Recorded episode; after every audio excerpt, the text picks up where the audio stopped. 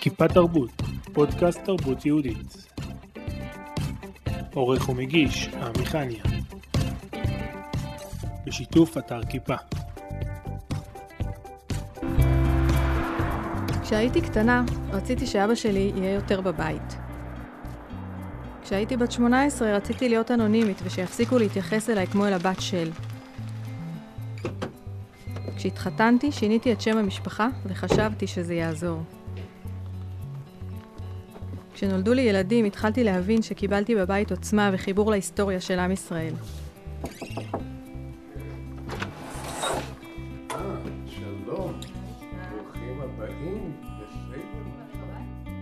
כיוצרת של סרטים הייתי אמורה לזהות, ובכל זאת, הייתי האחרונה לראות שהסיפור של אבא שלי הוא בעצם סיפור טוב לסרט.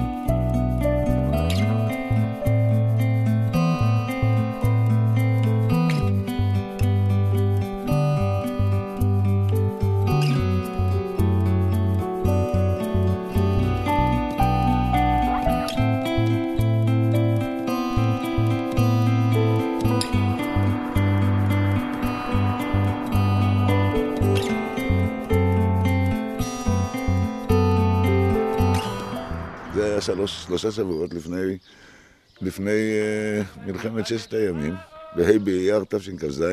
הרב צבי יהודה סיפר, את, סיפר על תחושותיו, איפה שכם שלנו?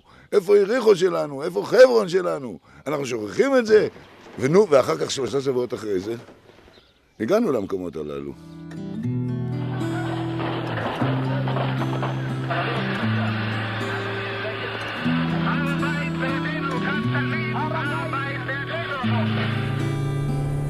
כששמעתי שחברון נכבשה, זה היום אחרי ירושלים, הרגשתי כאילו פוגע בי הברק. איזה חשמל. אמרתי לאשתי, אני הולך לחברון. ככה. את יודעת, אחרי ששת הימים הייתה אווירה מאוד מיוחדת. ממש, כאילו משיח, הוא מחכה שם בפינה. האזנו לקטע מתוך הסרט רוח אחרת. מה שמענו פה? שמענו בעצם איך הכל התחיל, איך התחילה ההתיישבות ב- ביהודה ושומרון, מה, מה היה הרקע לדברים, איך אה, הרב, שמענו את הרב מנחם פליקס, שהוא למד אה, בישיבת מרכז הרב, כמה הוא הושפע מהצעקה של הרב צבי יהודה, איפה שכם שלנו, איפה חברון שלנו, וב- ואחר כך בעקבות, גם בעקבות הקריאה של הרב צבי יהודה, הרב לוינגר הלך לחברון, שמענו, שמענו את הרבנית מרים לוינגר מספרת איך, איך הוא בעצם היה הראשון ש, שעשה את הצעד הראשון כדי להקים יישוב ב- ביהודה ושומרון המתחדשים, מלבד כפר עציון, שזה היה סיפור בנפרד, שחנן פורת ארגן את, ה, את החברים שלו לחזור לכפר עציון, וקיבל חצי אישור מהממשלה, לא ממש, אבל כל השאר לא קיבלו שום אישור. שלום למנורה חזני, שלום וברכה. יוצרת קולנוע, במאית, מפיקה. כן. תגדירי את עצמך קודם. אה, אני יוצרת סרטים, בעיקר סרטים דוקומנטריים. אה, אני עוסקת בעיקר בבימוי. לפעמים אה, אני חוטאת בהפקה וכתיבה. בואי נתחיל קצת מההיסטוריה, איך הגעת לקולנוע? אני תמיד, כש, כבר כשהייתי ילדה חיפשתי מקצוע שהוא משלב אידיאלים ויצירתיות, כי מאוד אהבתי ליצור, השתעממתי מדברים אחרים. וכשהייתי בכיתה י', שרה הילה, שהייתה ראש האולפנה שלי בקדומים, יצאה לשבתון, היא חזרה ואמרה, עכשיו אני רוצה לפתוח מגמת תקשורת. לא היה שום מגמות תקשורת בחינוך הדתי. ואני אמרתי, "אה, מה, האחיות שלי היו רק במגמת ביולוגיה, איך אני אלך למגמת תקשורת? נורא רציתי ללכת למגמת תקשורת, ואז אחותי אמרה לי, לפעמים צריך לעשות מה שמתאים לך. אז אה, אמרתי, וואלה, וניגשתי לבחינות של המגמה, שכמובן כולם התקבלו, והלכתי למגמה. הכל היה מאוד בחיתולים, לא ידעו איך, בדיוק נכנסו מחשבי העריכה, לעומת האיבי רול, שזה היה מכשירי הקלטה כאלה שמקליטים אחד לשני. ולא ידעו איך להשתמש בהם, והיה מורה חילוני רני בלייר, שהוא במאי היום ידוע, אז הוא היה סטודנט באוניברסיטת תל אביב, הוא היה מורה שלנו יחד עם אילנוב, שהיה חוזר בתשובה, תסריטאי, סופר חוזר בתשובה. הכל היה מאוד ראשוני, לא ידעו בדיוק איך לעשות, אבל זה היה מדהים, ובאמת עשיתי סרט גמר, וזאת הייתה חוויה מדהימה, גם הסרט מאוד הצליח. איך קראו לו? קראו לו עוד יום אחד. הוא, עס, הוא עסק בסיפור אהבה של זוג דתי בתיכון, שהם מאוד עדינים כאלה, והם לא יודעים מה מותר, מה אסור, בסוף הם נפרדים כי, כי זה לא מתאים, כי זה לא הזמן. סרט עלילתי. כן, עלילתי, וסתם מישהי בחדר אוכל של האולפנה סיפרה לי את הסיפור שלה האמיתי, לקחתי, mm. כתבתי מה שהיא כתבה בתסריט, כי זה מצא חן בעיניי, אחר כך המון אנשים אמרו לי, וואו, זה בדיוק הסיפור שלנו, ואפילו גם אנשים לא דתיים, הבוחן, הוא, הוא לא היה דתי, והוא אמר לי, וואלה, זה בדיוק הסיפור שלי, גם לנו היה אסור, כשהיינו נערים היה אסור לנו להיות חברים, ואחר כך לקחו את זה להמון סמינריונים בחינוך הדתי, ואתה יודע, זה היה על קלטת וידאו, ממש קלטת VHS הגדולות האלה, זה כל פעם עשינו עוד הקלטה ועוד הקלטה, זה נשחק, כבר אנשים ביקשו ממני, אמרתי להם, אין לי, אין לי עותק נורמלי לתת לכם, אבל מבחינת החוויה שלי, למרות שהיה מאוד מאוד קשה להפיק את הסרט, ולא ידענו גם איך לעשות והכל, אז uh, נצרבה לי חוויה ראשונית מאוד מאוד טובה, שאחר כך היא נתנה לי כוח uh, לעבור את הדרך הקשה שעברתי, כי בעצם ההצלחה הזאת לא חזרה על עצמה. חוויתי הרבה מאוד כישלונות, mm. ולא מצאתי את דרכי, ואחר כך הלכתי ללמוד במעלה, זה היה לי מאוד מאוד קשה, כאילו כל המפגש עם המורים הלא דתיים, עם האג'נדה שלהם, עם הרצון להביא את העולם שלי, ואיך הם, רובם הסתכלו עלינו כאילו זה משהו תמוה. אז אה, אבל זה כן נתן לי את האמונה ש... שאני יכולה, שיש לי מה להגיד. אוקיי, okay, אז יצרת את הסרט הזה, אחרי זה הלכת ללמוד במעלה. אחר כך למדתי במעלה, קולנוע. כהמשך להצלחה? אה, אמרתי, וואלה, אני אבדוק. בהתחלה, אתה יודע, הייתי בשנתיים שירות לאומי, בשנה השנייה אפשרו לנו יום לימודים, אמרתי, אני אלך ללמוד, לבדוק. זה מצא חן בעיניי. ואז הלכתי, הצטרפתי מחדש, כאילו התחלתי, שנה אחר כך התחלתי מחדש, תוכנית mm. מלאה. כן, אה, זה היה מרתק ומדהים ומאוד מאוד קשה. Mm-hmm. גם, גם להפיק סרטים זה נורא נורא קשה, זה המון המון עבודה.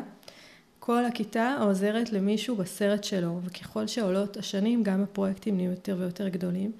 והיו לי המון שאלות. רוב המורים הם בעצם לא דתיים, והיה מפגש תרבותי. שהוא לא פשוט, כי נגיד המורה בשנה א' אמרה, מישהי עשתה סרט ומישהו היה שם דתי עם כיפה. אז היא אמרה, למה הוא לובש כיפה? אם הוא לובש כיפה, הוא צריך להיות דמות דתית, שאומרת משהו דתי. Mm-hmm. הוא לא... עכשיו, בשבילנו, הדתי זה היה נורמלי, כאילו זה המקום שבאנו ממנו, ורצינו להביא את הדתיות כנורמליות. ו- ולמורה זה לא הסתדר, או שהיה מורה אחר שהוא אמר, אין, דתיים לא, לא יודעים לעשות סרטים. אני נותן להם לערוך, וזה לא יוצא טוב. עכשיו, היה בזה משהו שהוא נכון, כי אנחנו לא גדלנו כל החיים על טלוויזיה, לא, אתה יודע, אתה רואה במאים גדולים שמספרים איך הם היו בורחים כל יום לראות סרטים בקולנוע, זה לא השפה שלנו, השפה שלנו היא באמת יותר המילה הכתובה. פחות טבעית. כן, כן, המדיה. פחות טבעית, גם אנחנו תמיד מסננים, הדתיים גם, גם פעם היו מסננים, לא רואים כל דבר, לא רואים הרבה. לי היה טלוויזיה בבית, היחידה כמעט ביישוב, כן? כשהייתי ילדה, כל השכונה הייתה באה אלינו לראות דרדסים, ביום רביעי בערב. זה היה אירוע יישובי. אז אה, קיצור, זה, זה לא השפה שלנו, זה היה לנו קשה, אבל זה לא אומר שדתיים לא יכולים, כמו שאומרים שנשים לא יכולות לעשות סרטים, זה קשקוש. נשים יכולות לעשות סרטים וגם דתיים יכולים, פשוט היינו צריכים ללמוד את השפה. לעומת זאת, היו מורים אחרים, כמו דורון צברי, שהוא היה אומר לנו, וואו, אתם מביאים דברים מעניינים שאין לי עליהם מושג, מאוד עודד אותנו לפתח, לפתח את השפה, ליצור שפה. ואני חושבת שאחרי הרבה שנים, לקח זמן, אבל כן, כן נוצרה שפה מעניינת, והיום בוגרי מעלה עושים דברים ממש מעניינים, והם כן מביאים את העולם הדתי הרוחני אל הטלוויזיה, וגם קצת אל הקולנוע, פחות לקולנוע, mm-hmm. ו- וזה עובד, זה עובד מאוד מאוד יפה גם. אז אחרי הלימודים שסיימת, עשית סרט גמר? קניתי מצלמת וידאו, רציתי לעשות יומן אישי כזה על האינתיפאדה ועל החוויות של האינתיפאדה באלון מורה, זו הייתה תקופה של האינתיפאדה השנייה, זו תקופה נוראית שכל הזמן היו פיגועים שנטשו את קבר יוסף ורציתי להעביר את החוויה הזאת, היה לי מורה, אה, המורה שהנחה אותנו, הוא פשוט, אה, הוא כל הזמן אמר לי, את לא תצליחי, הסרט שלך לא יצא, כל פעם שתכבי את המצלמה יקרה משהו מעניין. וכשתדליקי אותה לא יקרה כלום. עכשיו, אני הייתי נורא נורא תמימה והאמנתי לו. ושרה בק, היא למדה שנה מעליי במעלה, והיא אמרה לי, תקשיבי, הוא, בנ... הוא מורה מעולה, הוא באמת היה מורה מעולה, אבל הוא שונא ימנים, הוא שונא מתנחלים, הוא לא ייתן לך לעשות את הסרט, את תעזבי אותו, תקחי מנחה פרטי, וככה תעשי את הסרט, ובאמת עשיתי את זה. אז, אז, ויצא לי סרט אה, שהוא מאוד מאוד מעניין, הוא ממש אה, כן הצלחתי לתעד הרבה מאוד סצנות שקרו מול המצלמה, שפתאום זורקים אבנים, או איזשהו אירוע קורה, ואיך המשפחה שלי מגיבה, ושמתי קריינות, ובעצם אה, התפתחה שם שפה שהיא גם מאוד אישית וגם לאומית, כאילו על מה, על מה שקורה בארץ, ארץ ישראל, על ההתיישבות, על ה... אה, וזה יומן אישי? כן, זה ממש יומן אישי. רואים אותך גם? רואים דבר. אותי, וגם שומעים הרבה את הקול שלי. בעצם אחר כך השתמשתי בשפה הזאת בכל הסרטים שלי. איכשהו תמיד בסוף הגעתי לעשות יומן אישי, תמיד, איכשהו זה... ממש חזר, גם אחר כך עבדתי בערוץ אורות, עשיתי כתבות, היינו עושים כתבה, בסוף המנהל הערוץ היה אומר לי, תשימי את הקריינות שלך, תשימי את הקול שלך. איכשהו תמיד זה היה מתלבש, באמת זאת הייתה... הקטע המצחיק הוא שהיה סרט על רצח רבין בכלל, כשאני הייתי סטודנטית, כשסיימתי את הלימודים במעלה, היה סרט שנקרא יצאתי לחפש אהבה, תכף אשוב. זה סרט על רצח רבין, על מישהו שיש לו חברה והוא נפרד ממנה כי הוא מתגייס, הכל זה על רקע רצח רבין. ואני נורא אהבתי את השפה של הסרט הזה, ומשם לקחתי באמת את, ה... את הרעיון איך, איך לעשות את, ה... את הסרט שלי. אז... אה, סרט דוקומנטרי, אה, או שזה עלילתי, איך הוא בנוי כ... הסרט כסרט? שלו, הוא שלך, סרט שלי, אה, דוקומנטרי, עד עכשיו עשיתי רק דוקומנטרי, למרות שרציתי גם חוץ מהסרט כן, בתיכון. כן. והוא הוא, הוא סרט דוקומנטרי לחלוטין, הוא בנוי כרונולוגית אה, מ- מתקופה שהיה שלו, והיא מתועדת, איך אני סטודנטית בירושלים, נוסעת הביתה, מה קורה, משפחה וזה, ואז פתאום פורצת האינתיפאדה בראש השנה, אה, באלון מורה, זה, זה רואים שם את ה, איך אנחנו רואים את הנטישה של קבר יוסף בטלוויזיה, וכמה כואב לנו, והרצח של הלל ליברמן, גם ראיינתי את אשתו של הלל ליברמן, והאירועים שהיו בהר עיבל כמה ימים אחר כך שנהרג בהם הרב הרלינג, השם ייקום דמו, ו, וכל, ה, כל, וכל ההתפתחות של, ה, של האינתיפאדה. זה ה... אז איך את החומרים של השלווה? במקרה? כן, ממש ככה זה יצא. פשוט. צילמתי, התחלתי כל הזמן אה. לצלם, ו- ופתאום האינתיפאדה פרצה. לא, התכוונתי לצלם אירועים ביטחוניים, אתה יודע, מדי פעם היו זורקים אבנים, או היו פוחדים לנסוע, אבל לא היו ממש כל הזמן אירועים אה, כאלה מאוד, אה, מאוד חזקים. אה. היה מאוד קשה לערוך את הסרט, לדעת מה להכניס, מה לא להכניס, כמה להיכנס כאילו לעולם הפנימי שלי וכמה ל- לעולם שבחוץ, אבל בסוף הסרט הוא ארוך, הוא סרט של 50 דקות, סרט ממש ארוך. סרט דוקומנטרי ימני, מה עושים איתו? היום, או, או אז, אז בואו. היום יש אינטרנט, אז... אז מה שקרה שאנחנו, אה, היה קרן סנונית, שזה קרן לתמיכה של סרטים, של סרטי סטודנטים, כל הכיתה שלי, שלנו הגישה בקשה וכל הכיתה קיבלה, גם אני.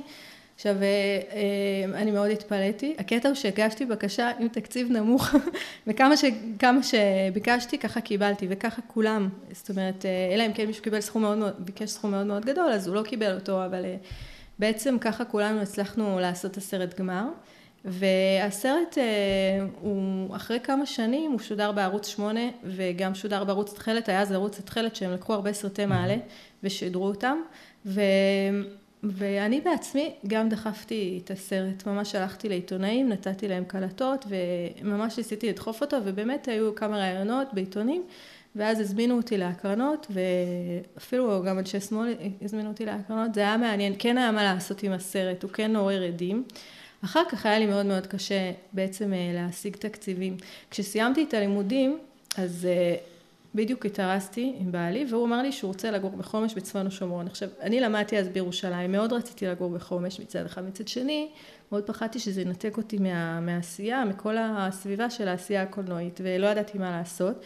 ואז היה מכרז של הסרט, של הקרן החדשה לקולנוע וטלוויזיה לסרט מתנחלים. ואני הגשתי הצעה וקיבלתי תקציב. אמ, זה, והגשתי הצעה שאני אתעד אותנו, איך אנחנו זוג צעיר. עוברים לחומש? עוברים לחומש, שזה היה יישוב לא דתי בצפון השומרון, בזמן של האינתיפאדה והכל. וקיבלתי כסף, קיבלתי ליווי גם מהקרן, הם מאוד מאוד חששו מה יהיה עם הסרט, הם הצמידו לי עורכת אה, מבחוץ שהיא תפקח על העריכה והכל, אבל בסוף הם, הם היו מרוצים, הם אמרו שהסרט מעניין, שוב עשיתי את זה כיומן אישי. וצילמתי את עצמי, צילמתי שבעלי יוצא למילואים, צילמתי אינתיפאדה, לוויות, אה, את הפחד שלנו, אה, במחי היה איזה התראה והיינו נסגרים בבית, ו... זה הסרט חומש קרוב לשמיים? כן, בחומ... הסרט נקרא בחומש קרוב לשמיים, ובסופו של דבר, גם בעקבות זה שקיבלתי קרן, הוא שודר ב... בערוץ 2, וגם זכה להרבה עדים והרבה, והרבה התעניינות. אחר כך כבר זהו, לא הצלחתי, היו לי הרבה רעיונות ולא הצלחתי יותר לקבל קרנות, גם, גם מה שקיבלתי זה היה קרן מאוד uh, ספציפית ונישתית. רוב המכרזים של הקרנות הם כלליים, תגיש רעיון, נבחן את הרעיון, בעצם הגשתי המון המון רעיונות ולא קיבלתי, ומאוד מאוד קשה. כי את חושבת שזה בגלל שאת מסומנת כד- כדתייה, כימנית? אני לא חושבת שזה אישי, אבל אני חושבת שזה לפי הנושא של הסרט. לא, היוצרים אה, דתיים כן מקבלים קרנות, אבל לא אם, הנושא של הסרט הוא ימני או לאומי, אה, מאוד מאוד קשה. מאוד קשה, בוחנים יותר, אם, אם הלקטורים שיושבים בקרן הם, הם שמאלנים, הם, לא- הם לא ייתנו. הם לא ייתנו והם תמיד ינמקו את זה גם בסיבות אומנותיות והכל. עכשיו אני אומרת, גם אם הסיבות האומנותיות, האומנותיות שלהם, נגיד שהן נכונות, הרבה פעמים לא, אבל נגיד שכן, אם לא ייתנו צ'אנס, אז זה לא יתקדם. זאת אומרת, צריך לתת ליוצרים ימניים ליצור ולהגיד את האמירה שלהם, ולאט לאט זה ישתפר. אין, בסופו של דבר אין במדינת ישראל היום סרטים ימניים בכלל, אין, אין, אה, אה, אפילו שמעתי את גורי אלפי שאמר את זה בגלי צה"ל, אין סרטים ימניים, ו... והמון המון סרטים שמאלניים או, או כלליים בכלל, וזה ממש מוזר כי חצי מעם ישראל הוא ימני, בעצם הדעות שלו לא באות לידי ביטוי. ואז אומרים שהימין לא יודע ליצור. נכון, אבל זה לא נכון, וזה גם לא נכון שאין יוצרים ימניים, יש המון המון יוצרים ימניים, אני מכירה המון, יש חברים שלי או לא חברים שלי שהם יוצרים ימניים, קודם כל הם לא יגידו את זה בקול רם, הם מפחדים כי הם, כי הם יודעים שהם יהיו מאוד לא מקובלים בתעשייה הקולנועית, הם יודעים שיסמנו אותם, שאולי לא ייתנו להם עבודה. אני שמעתי במו עיניי במאים גם לא דתיים, שהם אומרים, אני ימני, אבל אני לא מספר, יש לי אולי שלושה חברים שיודעים את זה. כי, ו, וגם הם הראו לי ממש אה, איך הם הגישו אה, אה, בקשות לקרנות לעשות סרטים ימניים, והם יוצרים מעולים, הם קיבלו תשובות מגוחכות. שמישהו רצה לעשות סרט על ההפקרה של מדחת יוסוף בקבר יוסף והוא עשה תחקיר, הוא קיבל ממש מצה"ל את כל המידע, הוא עשה תחקיר והוא שם את התחקיר, אז אמרו לו, המידע שלך הוא אמיתי אבל הוא שקרי. עכשיו זה ממש, זה מקומם וזה מאוד מאוד כואב. גם אני, כשעשיתי את הסרט הזה, בכל מה שקרוב לשמיים, חיים בראשית, הוא היה מנהל המחלקה לקולנוע במכללת ספיר. הוא דוקטור, או פרופסור, לא יודעת, משהו הוא עשה נגדי עצומה, נגד הקרן שהם לא ייתנו לי את הכסף. כאילו, למה אתה חושב שלמתנחלים או לימנים אסור להתבטא? כאילו, איזה מין סתימת פיות זאת?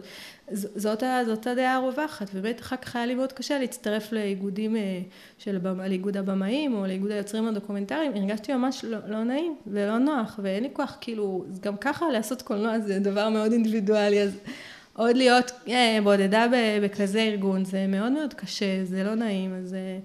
אולי היו מחשבות ליצור על דברים שהם לא פוליטיים? כן, אה, ניסיתי באמת.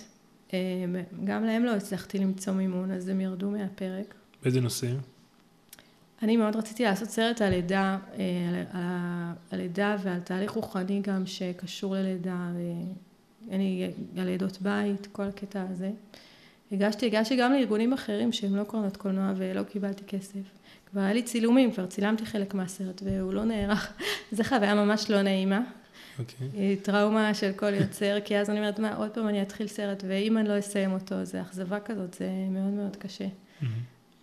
באמת זאת אחת הסיבות שהביאו אותי, כאילו, לא זאת הסיבה שעשיתי את הסרט, רוח אחרת, הסרט שלי האחרון, רוח אחרת, הוא עוסק בחידוש ההתיישבות ביהודה ושומרון, אחרי מלחמת ששת הימים. שזה הסיפור של אבא שלי, בני קצובר, והחברים שלו, הרב מנחם פליקס, הרבנית לוינגר ועוד, שהבנתי שיש אה, סיכוי שאני אשיג כסף לסרט הזה, כי, כי הציבור הימני יבין שהוא חשוב. ולכן יש סיכוי שאני אשיג את הכסף בערוצים אחרים, מה שלא הצלחתי בסרטים אחרים, ובאמת זה קרה. גם תורמים הסכימו לתרום לי כסף, וגם עשיתי אדסטארט שזה מימון המונים, ואנשים תרמו בין, בין 50 שקל לבין 10,000 שקל, כי הם הבינו שזה חשוב. אז בעצם, כשבאת ליצור את הסרט הזה, רוח אחרת, אה, החלטת שאת הולכת לציבור, האינטרנט פתח את האפשרות הזאת וגייסת ממנו... אני קודם כל פניתי לקרנות. Mm-hmm. ידעתי שאני לא אקבל שקל, אבל אמרתי שיהיה לי קייס להגיד, אה, תשמעו, אני, אני באמת עשיתי את מה שאני יכולה, עכשיו אין לי ברירה. כי למה, ש, למה שאנשים ייתנו את הכסף הפרטי שלהם? אתה יודע, זה לא 30 שקל כדי לראות את הסרט כרטיס, כן. זה הרבה יותר. למה שמישהו ייתן כסף?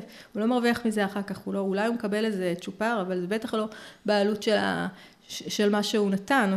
אז אה, אמרתי שאני חייבת צידוק אה, מוסרי אמיתי, אמרתי להם תראו יש פה סרט חשוב, סיפור שלא סופר, בעצם אנשים גם, הרב לוינגר נפטר, הרב חנן פורת נפטר, הסיפור הזה הולך ונעלם, יש פה משהו מאוד מאוד חשוב, סיפור מדהים, אה, מרגש, מרתק, אני צריכה כסף, הייתי צריכה קייס כאילו, ולכן הלכתי לקרנות, באמת קיבלתי ארבע פעמים תשובה שלילית זה היה מאוד לא נעים, גם פניתי לערוצי טלוויזיה, שיש לפעמים, הם עושים מכרזים, אז כאן היה בהרצה, אני הגשתי להם, אה, הם עשו מכרז לעשות סרטים על מלחמת ששת הימים ותוצאותיה.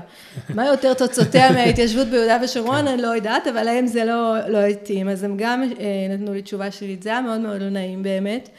ואז אה, קודם כל הלכתי לתורם פרטי, והוא נתן לי את הסכום הראשוני שיכולתי לעשות איתו את רוב הצילומים. אחר כך כשהייתי צריכה לסיים את הסרט, אמרתי, ראיתי שאין ברירה, גם פניתי לעוד גורמים. אמנה נתנו לי קצת כסף, וכל השאר השיבו את פניי ריקם. ואז אמרתי, אין לי ברירה, אני פשוט אפנה לציבור, ופניתי לציבור, עשיתי אד סטארט, ואנשים נתנו. זו עבודה מאוד מאוד קשה, כן? זה לא בא ביום אחד, שלושה חודשים של עבודה קשה, אבל כן, אנשים נתנו.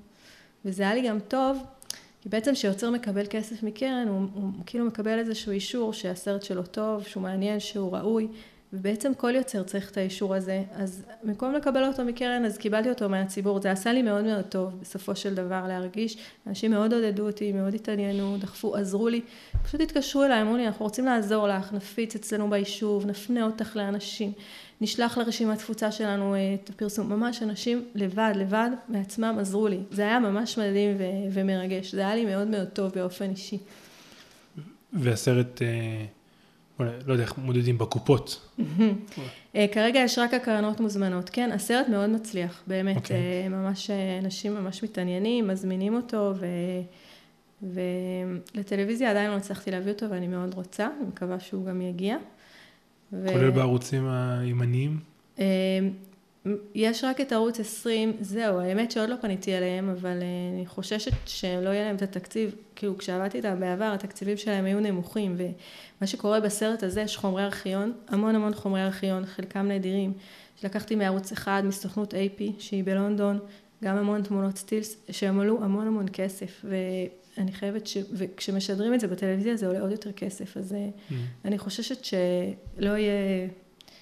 את, האפשרות לממן את זה כרגע, זאת אומרת שאני צריכה להשיג עוד... אה, אז היום יש הקרנות ביישובים ובמרכזים? יישובים, ערים, מתנסים, כן, מאוד מקווה. מגיע גם למקומות אה, יותר תל אביבים? אה, כן, מעט לצערי. אני מקווה לדחוף את זה עוד גם... סינמטקים? כן. זה היה בסינמטק? לא, עוד לא. אני אוקיי. מאוד מקווה שזה יהיה, בעזרת השם גם... להשמיע את הכל. כן. אוקיי. לא, לא רק להשמיע את הכל, אנשים, סיפור לא, שלא מוכר, כולם אמרו, וואו, לא ידענו, לא הכרנו, לא שמענו. גם נורא נורא מתרגשים. היה אה, אפילו מישהו אה, שתרם לי כסף שהוא הוא, הוא גר בגרוזיה, גיאורגיה, הם, הם קוראים לזה, והוא נורא נורא התרגש, הוא אמר לי שהוא ראה את הסרט לגויים, והם נורא נורא התרגשו, כי הקטע של אהבת מולדת מדבר אליהם, אז mm. אי אפשר לדעת איפה זה ייגע באנשים ובמה זה ייגע באנשים.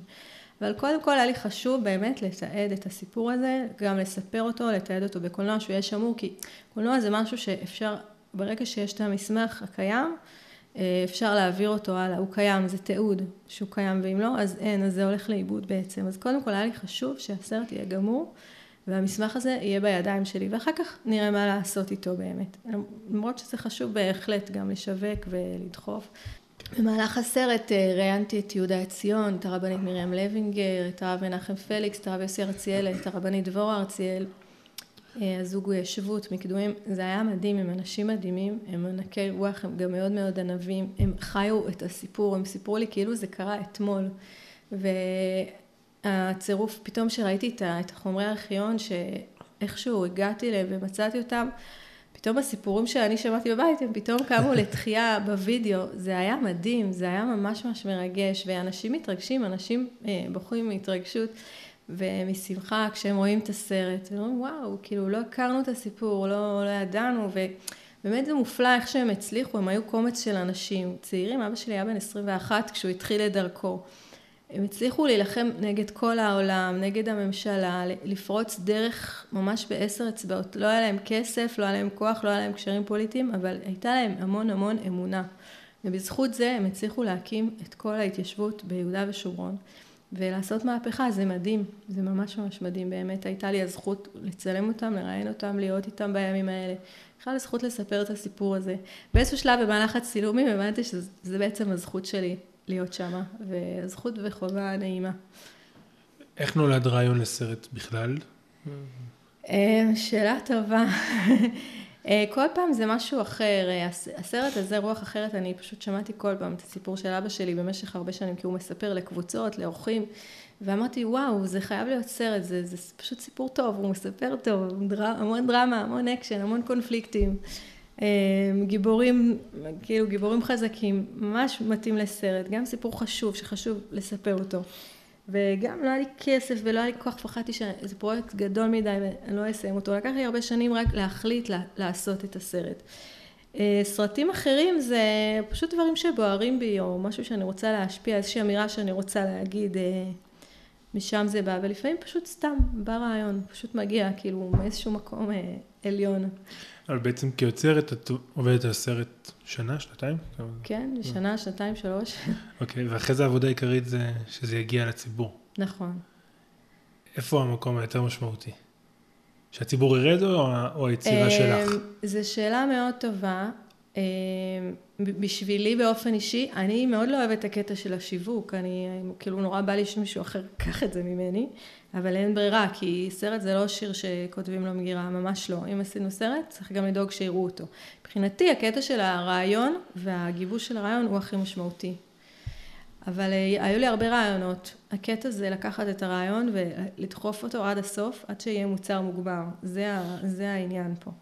וצריך להיות רעיון גם מספיק טוב וגם בר ביצוע. יש רעיונות שהם נורא טובים, אבל מאוד קשה לבצע אותם, או שאין להם קהל או משהו, אז הם, הם יורדים מהפרק, או שאין להם... למה לא יוצרים למגירה קולנוע? כי זה כל לכסף. כך הרבה עבודה, okay. אוקיי. וכל כך הרבה השקעה, וכל כך הרבה אנשים אה, אה, מעורבים ביצירה של סרט שאין מצב, פשוט אחר כך לשים את זה במגירה או לזרוק את זה לפח, זה לא בא בחשבון. אין מצב, זה, זה, זה עשרות אנשים, זה תהליכים מאוד מאוד ארוכים, זה לא רלוונטי. Mm. גם יוצר רוצה, אתה יודע, הוא רוצה שיהיה לו קהל, הוא, הוא רוצה... תראה, ליצור זה מאוד מאוד קשה, זה גם לא רווחי. בסופו של דבר, מי שנשאר בתחום היצירה, יש אנשים שמצליחים להתפרנס, כן? אני לא אומרת, אבל לא, לא כולם. אז מי שנשאר שם זה כי זה משהו בוער בו, אחרת הוא לא, הוא לא היה שם, זה לא... עובדה שלא הרבה שורדים בתחום. כן, באמת, רוב, אני לא מכיר יוצרים, אה, יוצרי קולנוע, אה, דתיים, ימניים. כן. חוזרים בתשובה ודברים כאלה יותר, אבל ממש שבוחרים בזה. יכולת לבחור לעשות אה, סרטים יותר כלכליים, או, כן. או לא, לא סרטים, לעשות בר מצוות, סרטים ליישובים, כן, כל מה שהאנשים נכון, אני עושים. פשוט גרועה בזה מאוד. אני לא, אוקיי. אני לא, כן, השם ככה ברא אותי כנראה בכוונה, כי אחרת, תכלס, הוא פשוט הרבה פעמים לא משאיר לי ברירה אחרת, הייתי בורחת מאיזשהו פתח, אה, פתח אחר. לא, אני פשוט, אני גרועה בזה, הסרטי בר מצווה שאני עושה הם רובם משעממים, אז אני לא מעיזה לבקש עליהם כסף פשוט. ולא, ואני לא טובה בקטעים הטכניים, אז לצלם לא, אתה יודע, כמה פעמים שצילמתי נמחקו הצילומים, או יצא ממש לא טוב, או שאני כל כך לחוצה מהקטעים הטכניים, שאני לא, לא אזכור משהו, או זה שפשוט אין, אני לא, לא מסוגלת, אני לא... אוקיי, אז, אז, אז בתוך כל ההגדרה של התפקידים הקולנועיים, את בתוך, ה... ב, ב, בסרט דוקומנטרי הבמאי הוא גם היוצר? כן. ואת בעצם הבימאית. כן, בעיקר בימאית, כן, לפעמים גם כותבים תסריט לסרט דוקומנטרי, לא תמיד. Mm-hmm. אבל בעצם אני מלווה את כל התהליך של הסרט מהרעיון עד כתיבת התסריט, עד ההפקה, צילום, עריכה, מוזיקה, מיקס, הכל, וגם השיווק. תמיד, תמיד, תמיד מלווה את כל התהליך, שזה ה... כשאומרים שמישהו יוצר סרטים, זה מה שהוא עושה, הוא, הוא דואג. נגיד בסרט רוח אחרת, אז היה, אמציה איתן היה צלם ועורך, הוא גם היה איתי ממש שותף אה, אמיתי בכל הדרך הזאת, mm-hmm. אבל אני זאת שדואגת שהסרט באמת יצא לפועל, ואני דואגת שיהיה ימי עריכה, אני הבאתי את המוזיקאי, כאילו הכל הכל, אה, לטפל בכל העניינים וכל ה... ממש ללוות את הסרט אה, מההתחלה ועד הסוף, ממש כמו איזה ילד שמגדלים. את מקבלת תגובות מאנשים על הסרטים? כן, כל הזמן אני מקבלת תגובות, זה הקטע המרגש, כאילו כשזה תגובות טובות. גם כשהן לא טובות. כן, אני כל הזמן מקבלת. כשהן לא טובות, אם לא, אם לא טובות אה, פוליטית, לדעתי זה טוב, אם זה מקצועי זה, זה אחרת. אה, נו, אני ממש, הסרט רוח אחרת הוא ממש, זה מרתק, כי כל פעם אני הולכת ליישובים או לכל מיני מקומות, אנשים מתחילים לספר לי סיפורים, איפה הם פגשו את הסיפור הזה, איפה הם היו. איך זה, בני נוער אומרים איך זה השפיע עליהם, גרם להם להיות יותר אידיאליסטים, לפעול, לעשות. אותי זה מאוד מרגש, אני ממש חייבת את, את המפגש הזה עם הקהל. אה, הקטע לא נעים, אם פתאום אה, הקרנה לא טובה, אנשים פחות אה, מתעניינים, פחות מגיבים או לא מבינים, זה כאילו קטעים לא נעימים, זה קורה ממש מעט. וגם אני כל הזמן צריכה להזכיר לעצמי שאני בדרך, אני בדרך, אני בודקת, אני מגבשת שפה, אני מנסה, לא בפעם הזאת, בפעם הבאה יהיה יותר טוב. כל פעם אני לומדת ומתפתחת. היה תקופה שכל פעם נשבעתי שאני יותר לא עושה סרטים, כי היה לי מדי קשה לסיים את הסרט, כן. וכל פעם ממש נתקלתי בקשיים כל כך גדולים, שאמרתי, למה, למה הכנסתי את עצמי לקטע הזה? גם הסרט רוח אחרת, נורא נורא פחדתי בהתחלה שאני לא אסיים אותו, כי ידעתי שאני צריכה באמצע לגייס כסף. וידעתי שכאילו אין, אני יוצאת לדרך בלי שיש לי כסף לסרט והכל, ונורא, אז קודם כל התקשרתי לכל הדמויות ואמרתי להם שאני הולכת לעשות את הסרט הזה, והתחלתי לעשות צילומים, ואז אמרתי, אם אני אתחיל, פשוט אני נורא אתבייש, כי זה המון אנשים שיודעים ומעורבים, אני נורא נורא אתבייש שלא סיימתי, ואני, ולכן אני, לא יהיה לי ברירה אלא לסיים, ובאמת, פשוט לפעמים אה, אני צריכה לסנדל את עצמי כדי, כדי לסיים סרט, כי אם יש קרן או ערוץ שמזמין את הסרט, אז אני מחויבת למישהו, ואני מחויבת ללוח זמנים, אבל פה, כאילו, מי, מי, מי, מי, מי אף אחד לא, לא יושב עליי עם שוט אם אני לא אסיים את הסרט או לא אסיים את העבודה. אין לי, אין לי, לא, בסרט האחרון זה היה ככה, לא היה לי שום מחויבות, זה מאוד מאוד קשה. מצד שני, הייתי יכולה להגיד את האמירה שלי בחופשיות, וזה שווה את המחיר. בסרט הזה היה לי חשוב מאוד שאני אגיד את האמירה, ולא אף אחד אחר. ו, וידעתי גם שאם יהיה קרן, או אם יהיה, או, כן, כן פניתי לקרנות, אבל מאוד מאוד פחדתי מה יהיה. גם ערוצי טלוויזיה, כשהם מעורבים בעשייה של הסרט, הם משלמים הרבה יותר מאשר אם הם לוקחים סרט מוכן. וגם את הסיכון הזה לקחתי, כי אמרתי, פה, אם יהרסו לי את האמירה, זה לא, לא שווה כלום, אז בשביל מה עשיתי את הסרט?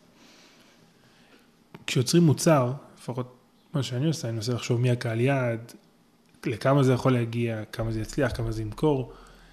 אמ, מי הקהל יעד שלך, ב... לפחות בסרט הזה או בסרט אה, התנערי, שהוא גם כן עוסק בעקירה מחומש? כן. אה, הסרט התנערי למשל, הוא שודר בערוץ 10. מבחינתי הקהל היה ישראלי. אה, פחדתי לשלוח את הסרט לעולם, כי לא רציתי ללכלך, יש שם ממש, mm. עם ישראל לא יצא הכי טוב בסרט הזה, שרואים את החיילים מגרשים והורסים באדישות את הבית שלנו והבתים של החברים שלנו, אז פחדתי ככה אה, לפרסם אותו בעולם, אבל, אבל בארץ מבחינתי כל ישראלי הוא קהל יעד. מבחינת פרנסה, הציבור הדתי דווקא יותר, יותר מוכן לשלם, יותר, יותר מגיע, כאילו, בציבור, בכלל הציבור צריך יותר לדחוף. ובסרט רוח אחרת, אני מאוד מקווה שמבחינתי גם אנשים לא יהודים יראו אותו. כדי ש... כי, כי יש לעם ישראל מה להגיד לעולם, ולמה לא דרך הסרט הזה? הסרט זה כלי נהדר, הוא, הוא, אני יכולה לשלוח אותו לכל מקום בעצם. אז אה, זה הקהל יעד שלי, אבל שוב הציבור הדתי יותר מפרגן, יותר אה, מזמין, יותר מוכן לשלם, יאמר לזכותו שפעם זה לא היה ככה. אנשים כן הבינו שתרבות זה דבר חשוב וגם בעצם את מביאה סרט ליישוב ואנשים משלמים על כניסה להקרנה הזאת. אה, לפעמים הם משלמים כניסה, או שהיישוב משלם. לפעמים היישוב מש... משלם והוא גובה את הכניסה, כל פעם משהו אחר.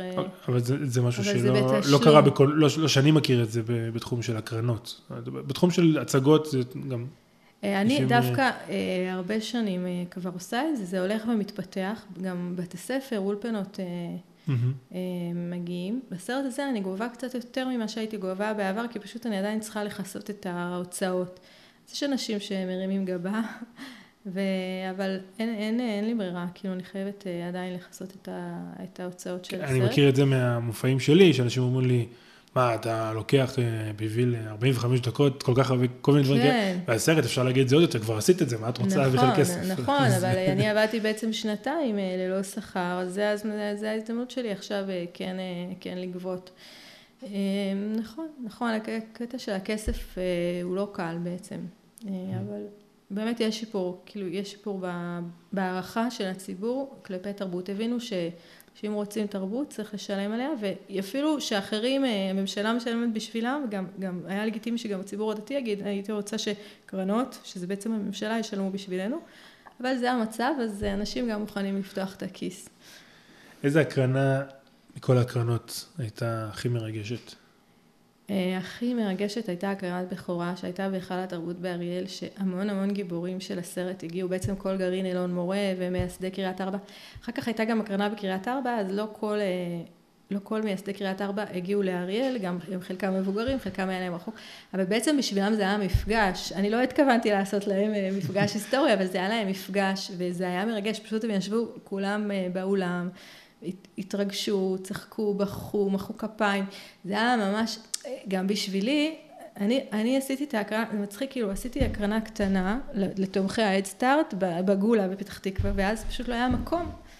ואמרתי, לא נעים, המון אנשים השתתפו בסרט, אני רוצה להזמין את הבני זוג שלהם וגם את הילדים שלהם, שיראו מה ההורים עשו והכל. ואמרתי, לא נעים, אין לי ברירה, אני חייבת לפתוח עוד הקרנה. פשוט עשיתי את זה מאילוץ טכני. ו... ואמרתי, אריאל המקום הכי מתאים, גם יש שם אולם טוב, איכותי, וגם אה, זה מקום יחסית מרכזי.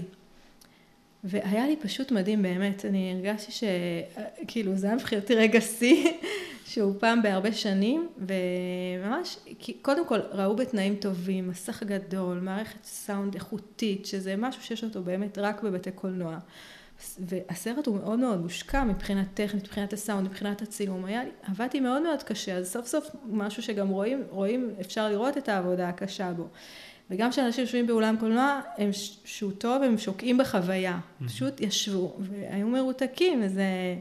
זה היה לי מדהים באמת, זה היה לי ממש, אה, זו החוויה שנותנת כוח אה, אחר כך לכמה שנים עוד אה, לעבוד קשה, לטפס את העלייה הקשה הזאת אל, אל הסרט הבא, אל הפרויקט הבא.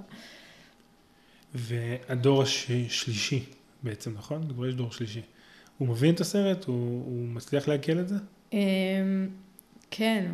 אה, אני עשיתי גרסה מקוצרת לנוער, כי הסרט הוא שעה וחצי, ואני יודעת שיש בני נוער בכיתות היותר נמוכות, אה, תיעוד שיהיה להם קשה לשבת שעה וחצי. Mm-hmm.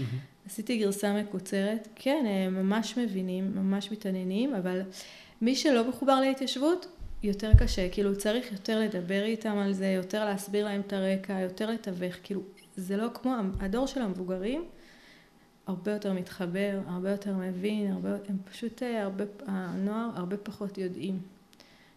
אז את מגיעה ומרצה לפני? כן, אני מדברת, אני מסבירה, אני מספרת עליהם על החוויות של עשיית הסרט, לא תמיד, יש כאלה שלא רוצים, אבל הרבה, זה עובד הרבה יותר טוב עם, ה, עם השיחה, עם התיווך, כדי לחבר אותם. אה, המגמות קולנוע היום בכל הארץ הן אה, פורחות, יש הרבה, לפחות הרבה שלומדים, לא יודע כן, כמה יוצאים אחר כך. כן, מאוד מאוד פורחות ומפותחות, כן. אה, מה את ממליצה למישהו שירצה לעבוד במקצוע הזה? קודם כל, אם אה, כדאי לו בכלל. תראה, אני חושבת שכדאי, צריך לדעת את, ה, את הסיכויים והסיכונים. אנשים הרבה פעמים שואלים אותי, אני לא, זה דרך לא פשוטה. אני חושבת שמי שמרגיש שיש לו אמירה, שזה בוער בו, כן, כן ללכת על זה, לגמרי, לדעת שזה דרך לא פשוטה, ולהאמין שהשם יסלול לו את הדרך, אבל לדעת שהוא צריך להילחם, הוא צריך להיאבק, הוא צריך לדחוף. לבד זה לא יקרה. אבל כן, כן לעשות, גם יש היום ערוץ מאיר, יש ערוץ 20, יש ערוץ אורות, יש, יש אה, מקומות יותר, יותר להתבטא בהם שלא היו כשאני, כשאני סיימתי, ואנשים יכולים uh, ליצור. Um, אני אומרת כן ללכת על זה, אבל uh, לדעת שזה, שזה עבודה, וזה בעצם משהו שאתה צריך כל הזמן ליצור אותו יש מאין. ולהאמין, להאמין שאפשר, להאמין שהדרך תיפתח, אבל גם להיות מאוד מאוד נאמן לעצמו, כי זה תחום שאתה מאוד מושפע בו מתרבויות אחרות, אתה מאוד רוצה לרצות את האג'נדה השלטת, והרבה אנשים אה, שם נופלים לדעתי, שהם לא, קשה להם לעמוד על האמירה שלהם, כי אז הם באמת יהיו מאוד בודדים, וזה קשה. אז אני אומרת לא, לא לוותר על האמירה, לקחת מהמורים ומההוראה רק את הכלים ואת ההשראה, אבל לא לוותר, לא לוותר על האמירה האישית. אם היה לך תקציב אינסופי, איזה סרט היית יוצרת? אה, קודם כל, אם היה לי תקציב אינסופי, הייתי מקימה קרן לקולנוע, לתמיכה בקולנוע יהודי ולאומי. אה, איזה סרט הייתי יוצרת?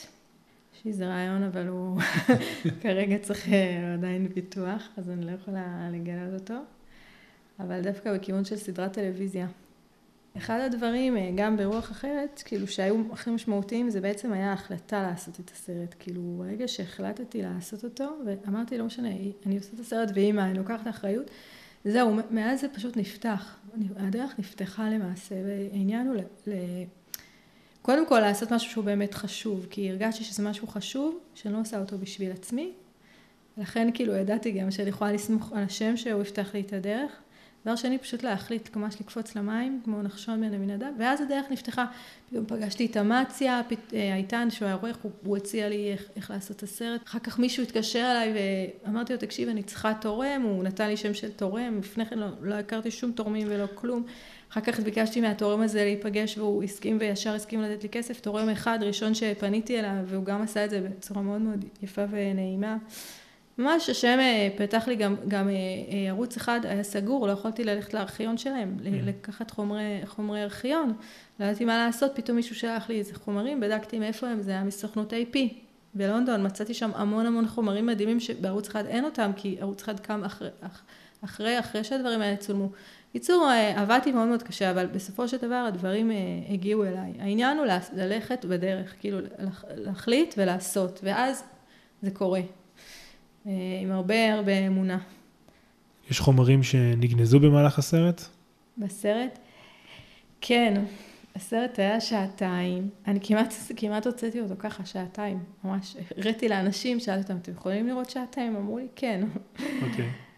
אבל אז, אה, לא יודעת, פתאום הבנתי שלא, לא יכול. היה לי איזו חוויה, אה, הגיעה איזו קבוצה אלינו לשבי שומרון, אני גרה בשבי שומרון, והם ביקשו לראות את הסרט, והברקו היה נוראי, יש לפעמים ברקואים כאלה שלא רואים ממש את הצבעים, היה סגול וירוק כזה, וזה היה יום שישי בצהריים, אז היה אור, והם גם ראו רק חצי סרט, כי לא היה להם זמן. בקיצור, פשוט זה היה כישלון.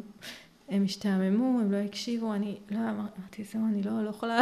וואו. אני צריכה, משהו פה לא בסדר, וזה היה לפני סוף העריכה של הסרט, אמרתי, זהו, אני עכשיו מורידה חצי שעה. פשוט זה היה נורא קשה להוריד חצי שעה, כאילו משעתיים לשעה וחצי, היה לי קשה. העורך, שתמיד העורך הוא הקשוח, שאומר להוריד, הוא אמר לי, את לא נורמלית, מה את עושה? זה דברים כל כך חשובים. שמרתי אותם, כן, הכל שמור, אבל אה, אין, לא היה לנו ברירה. בקושי רב אה, קיצצנו, אתה יודע, יש קהלים שהיו רואים, אבל צריך ללכת ל- לאמצע, אי אפשר אה, לעשות אלף גרסאות, כי המיקס והסיום, הסיומות של הסרט, הפיניש הסופי הוא המון המון המון עבודה והמון כסף, אז אי אפשר לעשות כמה. גם ככה עשיתי שתי גרסאות, שזה היה הרבה עבודה. אז, אה, אז זהו, זה היה קשה. ואנשים מבקשים ממני לראות, אני צריכה באמת לה- להעלות ליוטיוב או משהו את ה... מה שאפשר, שהוא שלם. כדי שיוכלו יוכלו לראות. האינטרנט מאפשר לנו כמו ש... גם גיוס של כסף, וגם אולי אפילו להפיץ את החומרים בצורה יותר, אה, יותר טובה. אני למשל ראית, לא ראיתי את הסרט עדיין, אבל ראיתי את, ה... את הטריילר או כל מיני דברים כאלה. את מנצלת את המדיה בשביל אה, להפיץ יותר, להגיע ליותר אנשים? כן, בטח. כל הזמן, אה, אני גם נמצאת בפייסבוק, גם ביוטיוב, אה, גם, כן, בפייסבוק תכלס. אפשר לראות את הסרט אונליין? עדיין לא, אבל יהיה אפשר בעתיד. כאילו, בדרך כלל קודם עושים שידור בטלוויזיה, ואז, אבל אז משחררים את זה. כן, אבל אפשר, כן, אפשר גם. זה באמת דרך טובה להגיע לאנשים בעולם. כאילו, גם אם לא דרך טלוויזיות, אפשר להגיע דרך אינטרנט, כן. מהמם. וגם תמיד אפשר לשים את הסרט ביוטיוב, בסופו של דבר, פתוח ל- לקהל. אה. זה מה שהיה התוכנית שלי מראש, כאילו, שפניתי לגופים, אמרתי להם שייתנו לי כסף, הם אמרו לי, למה שאני אתן לך כסף אם אחר כך את תרוויחי? אם אני אשיג את, את מלוא התקציב, אני אחרי שנתיים אשים את הסרט ביוטיוב בחינם, אבל לא השגתי את מלוא התקציב, אז זה לא, לא קרה. מנורה חזני, תודה רבה. תודה על ההזמנה ועל ההקשבה, בשמחה. ובהצלחה לכל היוצרים הנאבקים באשר הם. כיפה תרבות, פודקאסט תרבות יהודית. עורך ומגיש, עמי חניה. בשיתוף אתר כיפה.